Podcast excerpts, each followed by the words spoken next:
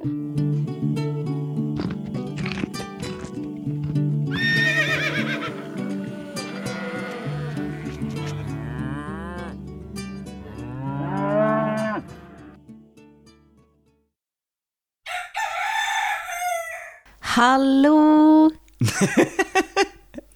Hei! Jeg kom deg i forkjøpet. Det gjør du, din snig. Hei sann, dere. Hei, hei, God dag, god dag. Og velkommen til Gjengevold pludrekast. Ja, hurra. I dag er det episode 31. Det var det jeg sa, var det ikke det? Ja, jeg tror det. Ja. Tenk deg, Kjetil. 31 er bare et par episoder unna 52, og da har vi holdt på et år. Det er crazy shit bananas. Men nå har vi, ja, vi har hoppet over ei uke, sånn at det blir jo liten forskyvning der. Ja, det er sant. Eh, Men jeg tenker når vi, når vi når 50, da har vi antakeligvis gått rundt året. Mm. Eh, Hvordan skal vi markere det? 50? 50? Halvveis til 100, liksom? Jeg er usikker. Det er jo et eget jubileum. Det, det er definitivt et jubileum. Spørsmålet er om det er eh, året eller episoden som skal markeres. Men vi snakket jo om, om når vi når 100, at vi burde eh, ha eh, livestreaming og en, en liten gruppe mennesker som kan komme med stille spørsmål og, og mm. heie og klappe og sånt. Og kanskje musikalske innslag. Og, altså, Gudene vet hva vi finner på for noe. Det er veldig koselig, men det er jo en stund til 100 nå, det. Det er det. Vi må gjøre noe på 50 òg. Ja. La oss tenke litt på det. Vi tenker litt på det. ja vel.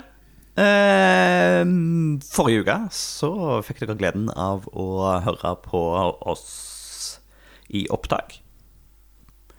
Det gjør dere nå òg, for øvrig. Eh, men eh, da hadde vi juksa. Vi hadde spilt inn to episoder i, i en sleng. Men jeg tror ikke vi trenger å si det, Trenger vi ikke å si Nei, men for det, da føler folk seg lurt. Å ja.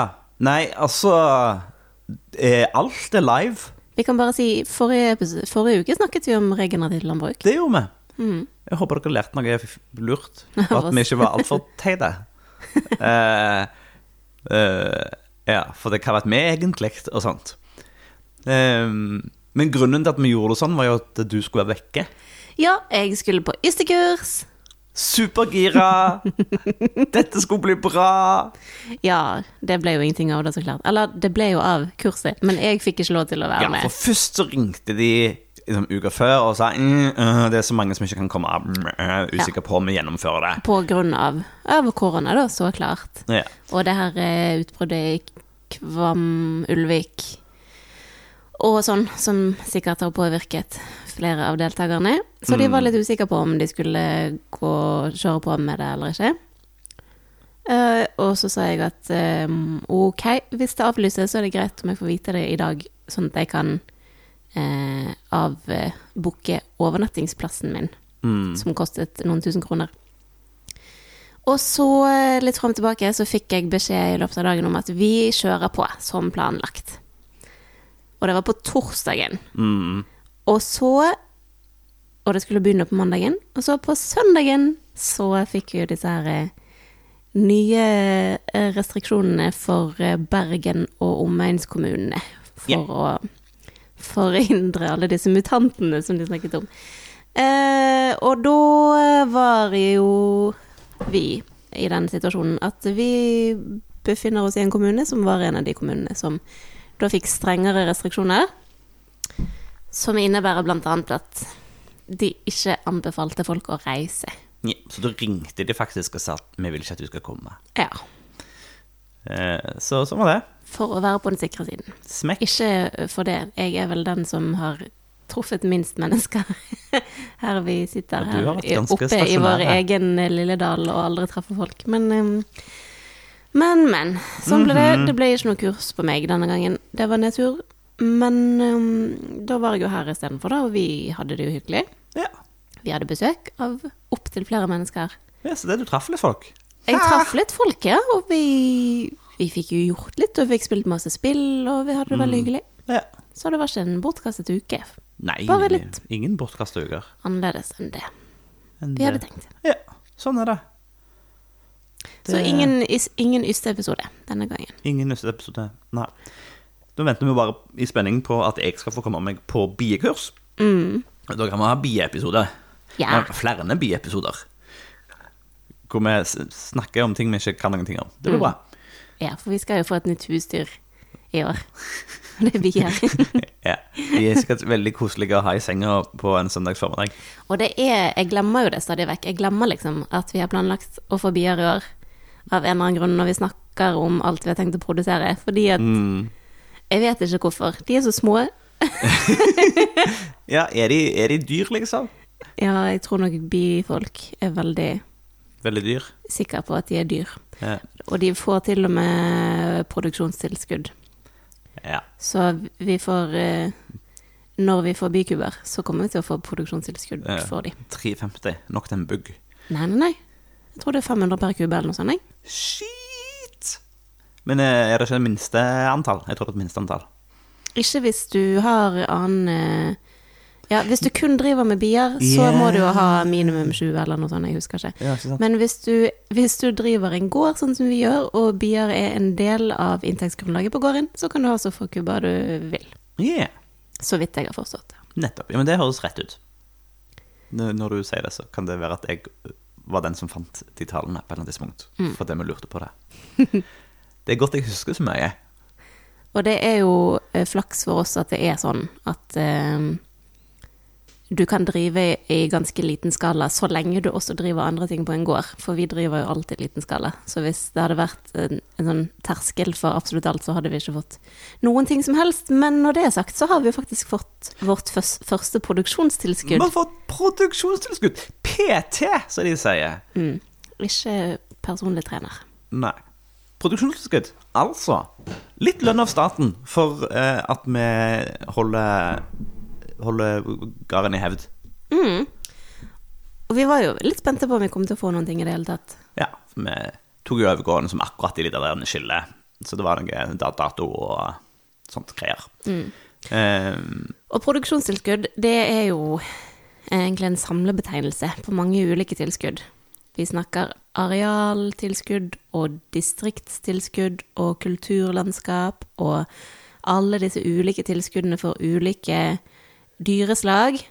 Så du får noe tilskudd for hver sau du har, og så får du noe tilskudd for hver sau du har på beite. Og i tillegg så kan du få noe tilskudd for hver sau du har av en utrydningstruet rase. Eh, og det samme gjelder sånn kuer, geiter. ja. Så vi fikk jo ingenting for sau i år, for de, de, de kom for sent til det. Eh, men eh, Ja, og, og de telles egentlig bare på våren. Ja. Ja. Eh, men eh, Eller det stemmer ikke helt, for det er sånn beiteting og sånt teller du på høsten. Men antall dyr teller du på våren. Nærmere bestemt 1. mars, så nå er det jo ikke så lenge til neste telledato, som de sier. det blir veldig spennende. Eh, og det er, det er jo for så vidt ganske interessant, syns jeg. Hvordan, for disse systemene henger godt sammen. Sånn at mange der, er- der, Når du putter liksom tall inn på hva dyr du har nå på vårparten, så eh, dukker de opp igjen for eksempel Hvor var det jeg eh, Ja I den kvalitetssystemet. Mm. KSL. Eh, som en sånn egenrevisjonsgreier. Der tar de utgangspunkt i det du har sagt at du driver med i eh, produksjonstilskuddssøknaden. Så Ja. det, det er grunnlaget for ganske mye. Og så har du alltid mulighet til å justere hvis du har endret på ting. og Sånt. Um, men nei, vi fikk 14 kroner per gris i høst. Ja. Hele, Hele 140 kroner fikk vi for eh, dyrene våre. For alt det kjøttet som ville vært det. Det salg. sier noe om eh, størrelsesordenen på griseproduksjonen i landet. Ja, griseproduksjonen er åpenbart noe som på en måte allerede er preget av så stort volum og relativt god inntjening. Da tenker jeg at eh, staten ikke vil støtte bøndene noe særlig med å produsere ekstra av det. Yeah. Eller Man får det til å gå rundt, er tanken, uavhengig av tilskudd eller ikke. Mens noe sånt som sau, der det er vanskeligere å få betalt for kjøttet på markedet, så er det en høyere sats. Men det som var den utvilsomt høyeste satsen av alt, er jo kyr. Ja, Og spesielt melkeku. Ja. Melkeku rocker. Det er ganske Eh, vilt. Det er helt, helt tydelig at staten vil putte masse, masse penger, sånn relativt sett, på de som velger å ha kyr. Og da skjønner jeg jo godt hvorfor man vil ha kuer eh, på et eh, beiteareal istedenfor å dyrke korn på det arealet. For det er mer For eksempel. Ja. Apropos eh, Men ja, vi fikk jo Hvor mye fikk vi? 12 000 et eller annet penger. 13 000, faktisk. Nesten 13 000, tror jeg. Dette kan vi slåss om etterpå. Eh, men Og det var jo da i stor grad fordi vi har arealer som ja, som kjøttet. Pass, Kjøttet. passer på at det ikke vokser igjen og sånt. Men vi har jo tenkt da at eh, Ja, at i år er jo første året vi på en måte teller med dyrene våre. Mm. Så til neste år så kommer vi til å få mer enn det vi fikk i år. For man får jo på en måte beregnet på fjoråret. Ja. Og så etter hvert som vi får enda flere dyr, og kanskje spesielt når hvis vi får kuer, så vil jo det produksjonstilskuddet skyte litt mer i været etter hvert. ja. Det vil bidra mer og mer til økonomien. Men det vil jo uansett Så- aldri utgjøre på en måte hovedinntekten. Nei, nei, det er langt ifra, men det kan dekke noen utgifter. Altså, Det er jo på det nivået. Det er jo sånn at det, det, det, det støtter litt grann utgiftene, men det, tar jo ikke å, å lønne på noe som helst nivå. Nei, men for veldig mange bønder så er det produksjonstilskuddet som utgjør eh, mellom en tredjedel og halvparten av inntektene deres. Ja. Men de har jo masse utgifter. Mm. Altså, det er jo Ja, når du ser på de satsene, så tenker du oh shit, er det så mye penger for en melkeku? Så eh, begynner du å tenke på hvor mye ei ku spiser, Ja. eh, og hvor mange timer det tar å håndtere møkka. Mm, og hvor mange måneder du må ha en, en kalv før det blir til en ku som du kan melke. Ja. Så, så forsvinner de pengene ganske fort, altså. Ja, Så, så det er liksom ikke, det er ikke lønn, det er utgiftsdekning. ja men, men du, du, du behandler det jo som en inntektspost. Ja, ja, ja. Og det hører jo med. Mm. Det er ikke en refusjonsordning, Nei. på en måte, sånn regnskapsmessig. Nei, det er det ikke. Det blir en, en, enda en av inntektene. Hvis du, ja, hvis du tenker på hovedinntektene til bonden, så er liksom den ene delen av inntekten er det man får når man selger maten man produserer, og den andre delen av inntekten er det staten gir deg. Mm. Mm. Hva var det du skulle si? Nei, apropos øh, griser. Vi fikk en sjekketele sjekketelefon. Vi f Å ja! Tilbakemeldinger. Ja. Vi Ja. fikk en skikkelig koselig telefon. På fredag. Ja. Fredag kveld så ringer telefonen. ja. Og vi er litt sånn komatøse i nummer, visste ikke helt eh, hvem det var. Ja. Og så var det da en hyggelig dame som hadde kjøpt eh, julegris av oss i desember, en sånn kasse, og som ringte og sa at eh, kjøttet smakte kjempegodt. De hadde spist koteletter i går, og det var, et, eh, det var noen framifrå marmorerte koteletter som smakte mye bedre enn de de kjøpte i butikken. Ja, og de pleide ikke å kjøpe svin, for det var så kjedelig. Mm. Men, eh, men disse var jo nydelige og marmorerte. og- så ville hun kjøpe litt ekstra lever og buklister. Ville vite litt hva vi hadde å by på fra fryseren. Yes. Så de, etter å ha kjøpt eh, ganske mange kilo med svin, så ville de ha enda litt mer. Og hun var Hun lurte på eh, hvilke planer vi hadde for griser framover, om vi skulle fortsette med det, og det var kjempekoselig. Og det er Superkos. Jeg tror det er vanskelig for folk å fatte hvor eh, glad vi blir av å få sånne telefoner.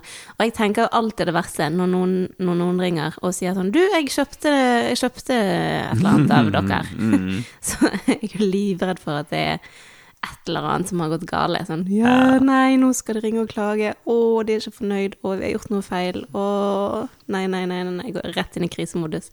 Og så er det bare Dette var så godt, og dere er så flinke, og vi vil gjerne kjøpe mer. Det er liksom At Det går an. Tenk så eh, fantastisk å få en sånn tilbakemelding. Mm. Så vi, vi, tar, vi tar det veldig til hjertet. Definitivt. Og det Privilegerte. Gjør det jo verdt det. Gjør det mye mer verdt det.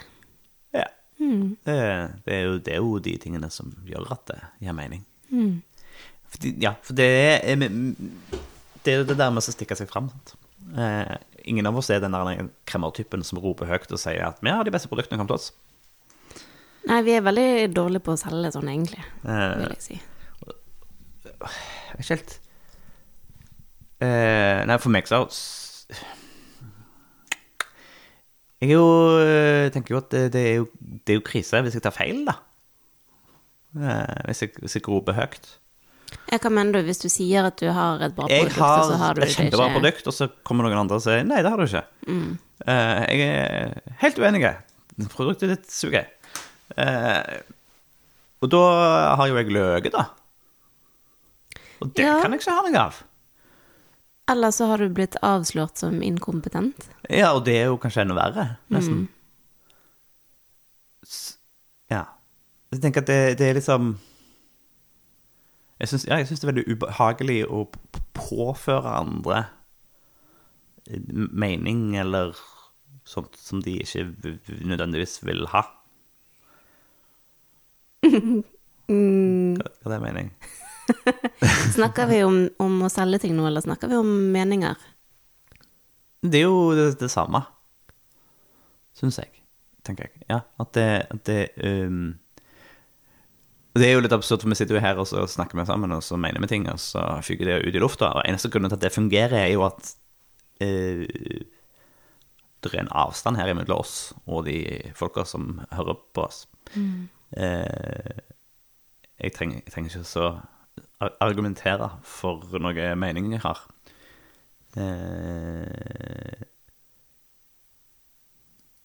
hmm.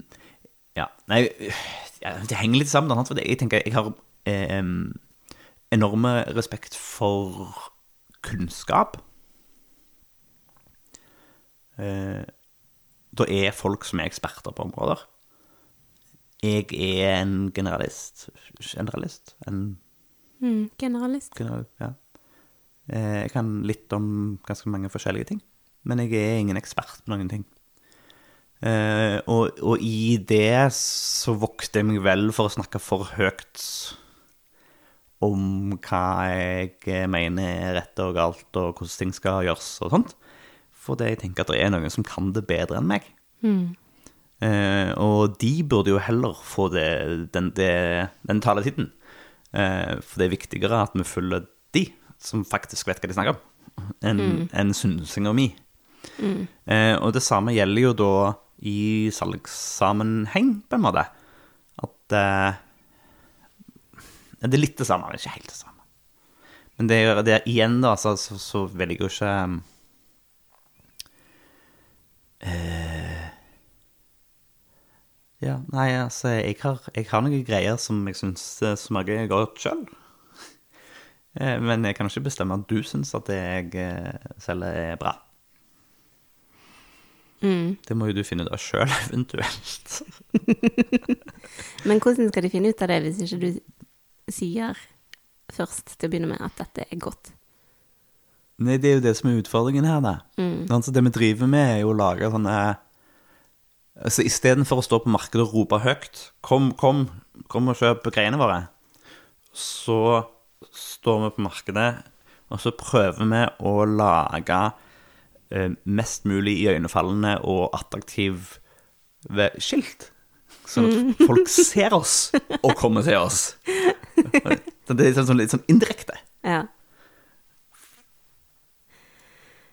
Ja. Hvordan, hvordan skal man eh, lære seg vi, vi må jo være selgere, vi, fordi hvis vi ikke klarer å få folk til å kjøpe det vi lager, så har vi ingen bedrift. Og hvordan skal man klare å være en selger når man i utgangspunktet er veldig dårlig på å selge ting? Det må jo være et eller annet med at vi, vi tror på det vi Vi tror jo virkelig at, at det vi gjør, bidrar med noe positivt i verden. Ja, og, men, men det er jo ikke helt sant at vi ikke kan selge. Vi bare selger ikke på den måten. For vi, vi har litt iallfall peiling på sånn kommunikasjon og sånt. Eh, vi vet hvordan vi kan få fram et budskap. Vi vet hvilke budskap som er viktige og interessante. Eh, for oss. Altså det, vi må jo ta utgangspunkt i, i hvilke ting er det vi ønsker å kommunisere. Og så, samtidig så er vi oppegående nok til at vi vet litt grann om hvilke ting som kanskje kan hooke folk, da. Eh, men istedenfor at vi står og, og sjøl er plakaten, så må vi jo lage en plakat så folk kan lese, da. Altså, Så det går liksom den via det hakket. Eh, eh, så det er jo ikke sånn at vi sitter her på tuen vår og venter på at noen skal ramle innom. Nei, Det gjør vi ikke. Um, ja. Når vi snakker om det der med å på en måte stikke seg fram, så er det jo mange ulike fasetter ved det. For én ting er jo å selge ting. En annen ting er å mene ting. Um, jeg tror nok at jeg er Jeg er ofte ganske um, påvirket av sånn imposter syndrome. At uh, jeg har en eller annen følelse inni meg om at egentlig, sånn dypt inne der, så har jo ikke vi noen peiling på hva vi driver med. Mm. Eh, og det er alltid Og det er så mange der ute som eh, har mer peiling enn oss, og vi er egentlig helt gjennomsiktige. De kan se det på lang avstand at vi er bare Vi bare later som. Jeg lurer på når jeg kan kalle meg for bonde. Ja, men nå Og- kan du det, for du har fått produksjonstilskudd. Det må jo være Nei Jeg er jo en sånn juksebonde. Jeg har kjøpt et lite småbruk, har litt eiendom og noen dyr som springer rundt. Men, men Men jeg tror at det er egentlig ganske mange som tenker sånn, da, inni seg, og som har litt sånn imposter syndrome. Um, at det er mer utbredt enn det man kanskje tror. For jeg, jeg ser jo på andre folk, på andre bønder og andre produsenter, og tenker at å, de, de har virkelig peiling. De har liksom nailet det. De vet hva som funker, og de er ekte. Ekte bønder. Mens jeg er sånn juksebonde.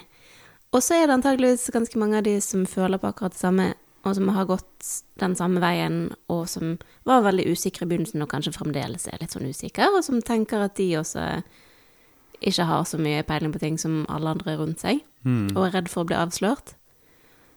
Um, og jeg tror at litt av uh, den kontinuerlige utfordringen er jo å minne seg sjøl på det. At eh, jeg, eh, jeg har faktisk noe å stille opp med. Jeg kan ikke svare på alle spørsmålene, men det er det ikke alle andre som kan heller. Eller ingen andre vet alt. Og det er helt menneskelig å ikke vite alt. Men det vi har å stille opp med, er faktisk ganske bra. Og vi har noe vi kan være stolt av. Og vi kan eh, Vi kan stå støtt eh, i ryggen og Du får ikke den katten gjennom det vinduet der, vet du. Det Kjetil prøver å slippe Muskat inn, og så står det en grill, en bålpanne, rett utenfor vinduet. Ja, ja, sånn ble det. Vi får slippe den inn etterpå. Hun lagde så mye lyd. Tenkte jeg skulle så elegant snike henne inn uten at noen la merke til det. Men vi er jo vår egen største barriere. Klassisk. Vår egen verste fiende. Klassisk. Det jo Med egen klisjeer. Jeg aner jo ikke hvordan andre oppfatter meg eller uh, min kompetanse. uh, men men uh, hvis noen skal hindre meg i å liksom stå fram og si 'Se her, jeg har laget noe kjempebra, og vi er flinke, og vi er, får det til, og vi er stolte', så er det jo meg sjøl. Det er jo bare meg sjøl som hindrer meg i å gjøre det. Ja. Men jeg er så åh, sant? Jeg kunne vel alltid liksom tenkt Nå skal jeg ta på meg den der kremmerrollen, og så Men jeg er, så, jeg er så himla redd for å få den der eh, reaksjonen som gjør at det, at det liksom sprekker eh, bobla. Mm. Eh, og Og det liksom er vi jo ikke så veldig flinke på å takle det. Og um, vi kan jo nevne den, den ene um, Eller egentlig, ja. Den ene negative tilbakemeldingen vi har fått fra en kunde, det skjedde før jul. Det var en av de som kjøpte kjøtt av oss. Og det var nok et tilfelle av at mm, forventningene Eller forventningene de hadde, ikke sto i samsvar med det som vi hadde kommunisert eller gitt inntrykk av. Eller? Ja, det var en blanding av For det våre forventninger var jo òg Våre forventninger til slakteriet var, ble jo heller ikke innfridd. Ja. så, så det var flere ledd med forventninger som det var, det var noen som ikke fikk det de hadde trodd, da. Ja. Eh, rett og slett. Og det er jo en sånn type Et sånt tilfelle hvor mange antageligvis ville tenkt OK, det, sånn er det, det var dumt. Eh, da har vi lært noe, og vi gjør det bedre neste gang. Jeg syns fremdeles det er kjipt, jeg. Ja. Jeg tenkte, jeg tenkte jo på det, at dette lærer vi av, og vi gjør det bedre neste gang. Men um, det at den ene kunden ikke var 100 fornøyd, det, det ødela hele den uken min. Faktisk. En hel uke var totalt ødelagt. Og det var samme uken som vi hadde eh, 50-60 andre storfornøyde kunder som vi leverte ut masse varer til. Men det var én kunde som var misfornøyd, og jeg gikk helt i grøften. Den første dagen etterpå så hadde jeg ikke lyst til å stå opp av sengen. Jeg bare grein. Og jeg grein egentlig hver dag hele den uken. Og tenkte nå, nå har vi skuffet noen. Vi er helt mislykkede produsenter. Dette kommer aldri til å gå bra. Noen der ute er sinte på oss, og ja, vi har, vi har ikke levert, rett og slett. Og det var det som gikk igjen og igjen i hodet mitt. òg. ehm, jeg skjønner Sånt skjer av og til, og det kommer til å skje igjen. Men eh, jeg vet ikke hvordan jeg skal la være å ta det sånn innover meg. Forhåpentligvis blir det jo litt lettere etter hvert hvor vi Det var jo første gang vi gjorde dette her, vi var litt usikre på hvordan vi skulle løse ting, og det var mye som skjedde samtidig. Um, altså, vi, var, vi var både bakpå, vi hadde liksom akkurat klart å få det til, og ja, det var veldig mye sånn dytta ut til kanten. Uh, så det skulle ikke så mye til å vippe over. Uh, så vil jeg tro at dess flere ganger vi gjør det, og dess tryggere vi blir på våre egne systemer og vår egen kommunikasjon, eh, dess, dess stødigere står vi i det. Men det var jo masse usikkerhet knytta til hva vi hadde gitt fra oss, om det stemte. Om, det, om, om vi hadde klart å kommunisere rett, om forventningene var rett sted. Og, Ja, men jeg tror òg at hvis Ja, dette var jo eh, en veldig kjip opplevelse for vår del, men jeg tror òg at eh, hvis noen bare kjøper noe som i utgangspunktet er kjempegodt, syns vi, og som er riktig kommunisert, og alt sånt som det, og bare ikke syns at det smaker så veldig godt, så tror jeg allikevel at jeg kommer til å ta det ganske hardt. ja, nei, det er ikke noe kjekt, det. Altså, det ja, nei, det, Selv om, selv om ikke alle sammen liker lefse eller liker grønnsaker eller Mm. eh, Jeg vet ikke. Smak er jo bare forskjellig. Og, og rent mentalt skjønner jeg jo det kjempegodt. Alle liker ikke alt. Og alle kommer ikke til å like alt vi lager. Men eh, sånn eh, følelsesmessig så eh, tar jeg det så vanvittig til meg når jeg ikke, ikke kan please alle, da. Når ikke alle er fornøyd. Og det er supervanskelig som en bedriftseier som skal liksom stikke hodet sitt ut der og prøve å selge produkter og gjøre folk fornøyd. Eh, og så tåler man så dårlig at man ikke lykkes 100 av gangen, liksom. Det er noe annerledes å mene ting. Jeg har ikke noe problem med å mene ting. Ja, du, Og, du eh, mener ting støtter stadig. Jeg, jeg mener ting Høyt ganske ofte, og og ganske høyt. Og står støtt i det, og det går helt Til og med ansikt til ansikt med folk. Det er jo helt crazy. Men det, det går Jeg tar det jo ikke som et uh, personlig nederlag, eller jeg tenker ikke at jeg som person er mindre verdt hvis noen er uenig i det jeg mener politisk. Eller hvis man har en diskusjon der noen andre har en annen oppfatning enn meg. Det er liksom noe helt annet. Da går det så fint å være uenig og diskutere, og kanskje lærer jeg noe, og kanskje lærer de noe, eller så bare fortsetter man å være uenig, liksom, og er enig om det. Men eh, med en gang det handler om en, en transaksjon hvor jeg skal levere et eller annet, eller være et medmenneske, og uforvarende såre noen som jeg ikke mente å såre, eller ikke leve opp til andres forventninger på den måten, så, eh, så, så blir det liksom katastrofe. Da går alt i grus inni, inni meg. Mm. Jeg vet ikke hva vi skal gjøre med deg, Kjetil, men Hva skal vi gjøre med meg? Nei, hva, hva vi skal gjøre med dette. Hvordan, Nei, det, vi, skal, vi skal bare dure på, og så blir det bedre.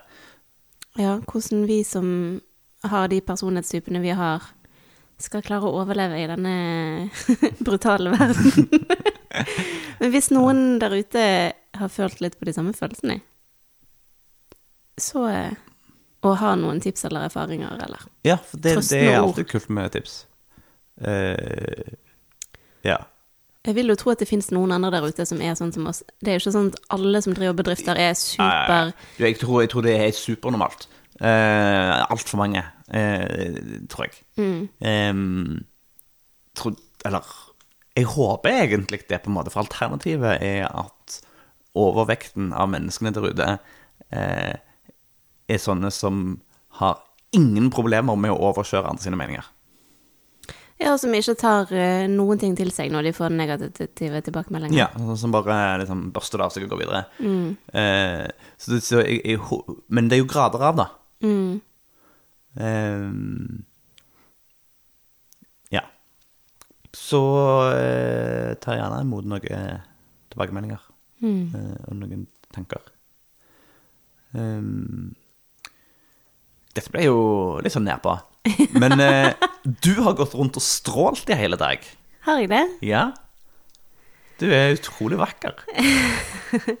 Det er våren sin skyld. Det er det. Det smelter, og du smiler. Ja, nå, Ja. nå har det endelig begynt å smelte rundt her. Og det er, det er som Bortsett fra at det er hvitt fremdeles rundt omkring, så er det for min del total vårstemning nå. Det, det drypper rundt omkring, og vi hører fuglesang overalt. Ja, de tar helt av nå. Og det har, begynt, det har blitt varmt. Vi har liksom gått Jeg har gått eh, rundt ute uten ytterklær på, Mm. og har ikke frøset. Eh, og det er sånn jeg, jeg, får, jeg får lyst til å eh, grave i hagen og bygge ting og male og fikse og stelle ute og gjøre det pent. Make pretty. Og det er bare Jeg gleder meg sånn Ja. til hele sommeren. Jeg har lyst til å være masse, masse ute. ja, men det er jo det vi skal. Det er jo derfor vi har denne fantastiske terrassen. Masse kjempestort Ja, og overbygd terrasse. eh, terrasse. Og går inn. Og går- og gården. Ja, men, men det sånn, sånn Altså, vi kan jo flytte alle måltidene våre ut etter hvert. Mm. Ja, når det blir varmt nok. Sant? Så Det er bare å åpne dørene og Ja, men også det å Ja, ja, en ting er jo um, alt arbeidet vi skal gjøre ute, som, som jeg gleder meg til, og som jeg håper jeg får gjort mye av. Sånn lage små bed og stelle, og, og være sånn ekte huslig, landlig gårdskone, som jeg aldri har vært, men som jeg har gledet meg masse til. Ja. Men en annen ting er det å bare å tillate seg å være ute uten å gjøre noe. Mm. Altså ta med seg en bok og gå ut på sletten her og sitte litt i gresset og lese, eksempel. Ja.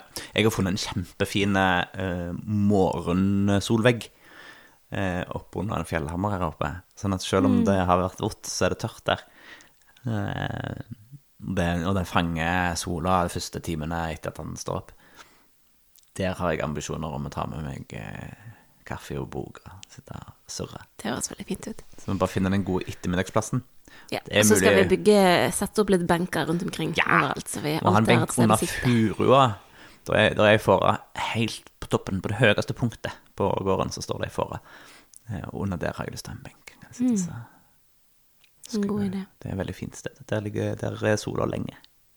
Så er det nesten så langt du kommer deg vekk på gården. Det er kult.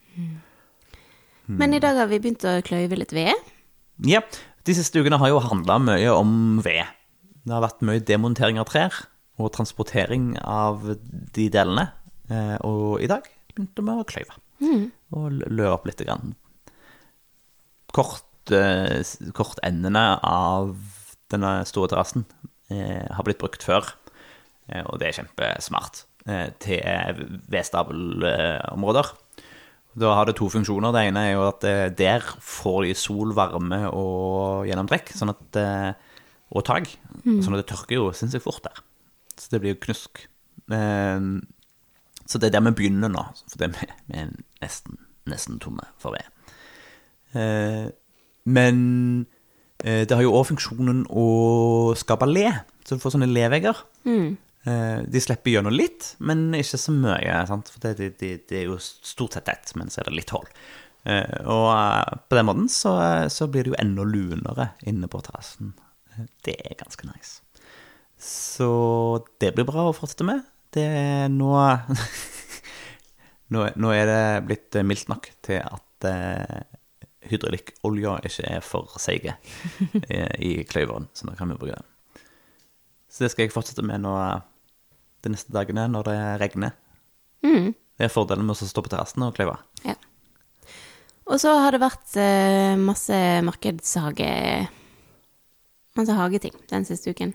Mm. Så jeg var på kurs i to dager, og da satt du ved siden av meg i sofaen og leste uh, markedshagefagbok. Mm. Så vi fikk litt påfyll begge to. Og så har vi sådd ganske mye i løpet av uken. Mm. Jeg har sådd uh, Jeg sådde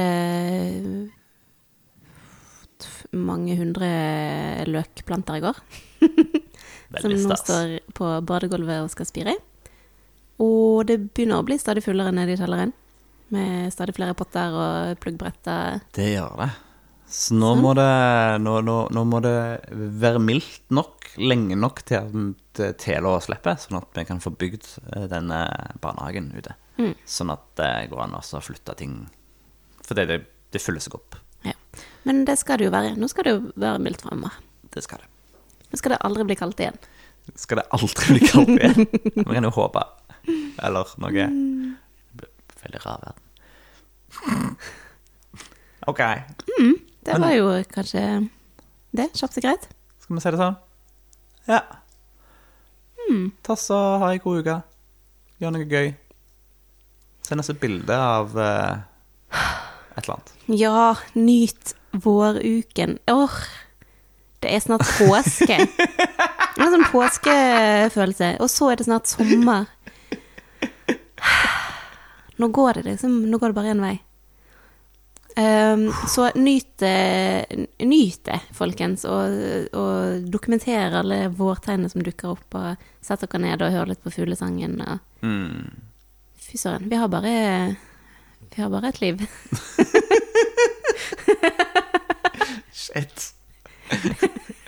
For dagens kloke ord fra. Mm. Godt. Et liv, én klode. Bruk hodet. En vår. Blekkulf. Eh, snakkes. Det gjør vi. Ha det bra. Ha det!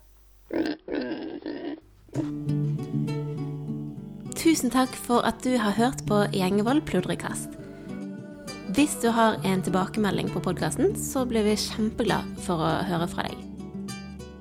Er det noe du syns vi skal snakke mer om, eller noe vi bør snakke mindre om, så kan du sende oss en melding på e-post på hallo.krøllalfa.gjengevold.no. Du kan også komme i kontakt med oss på Facebook på Gjengevold mangesysleri, på Instagram ett mangesysleriet, og på nettsidene våre gjengevold.no. Vi setter utrolig stor pris på å høre fra deg, og vi blir ekstra glad hvis du har lyst til å dele denne podkasten med en venn.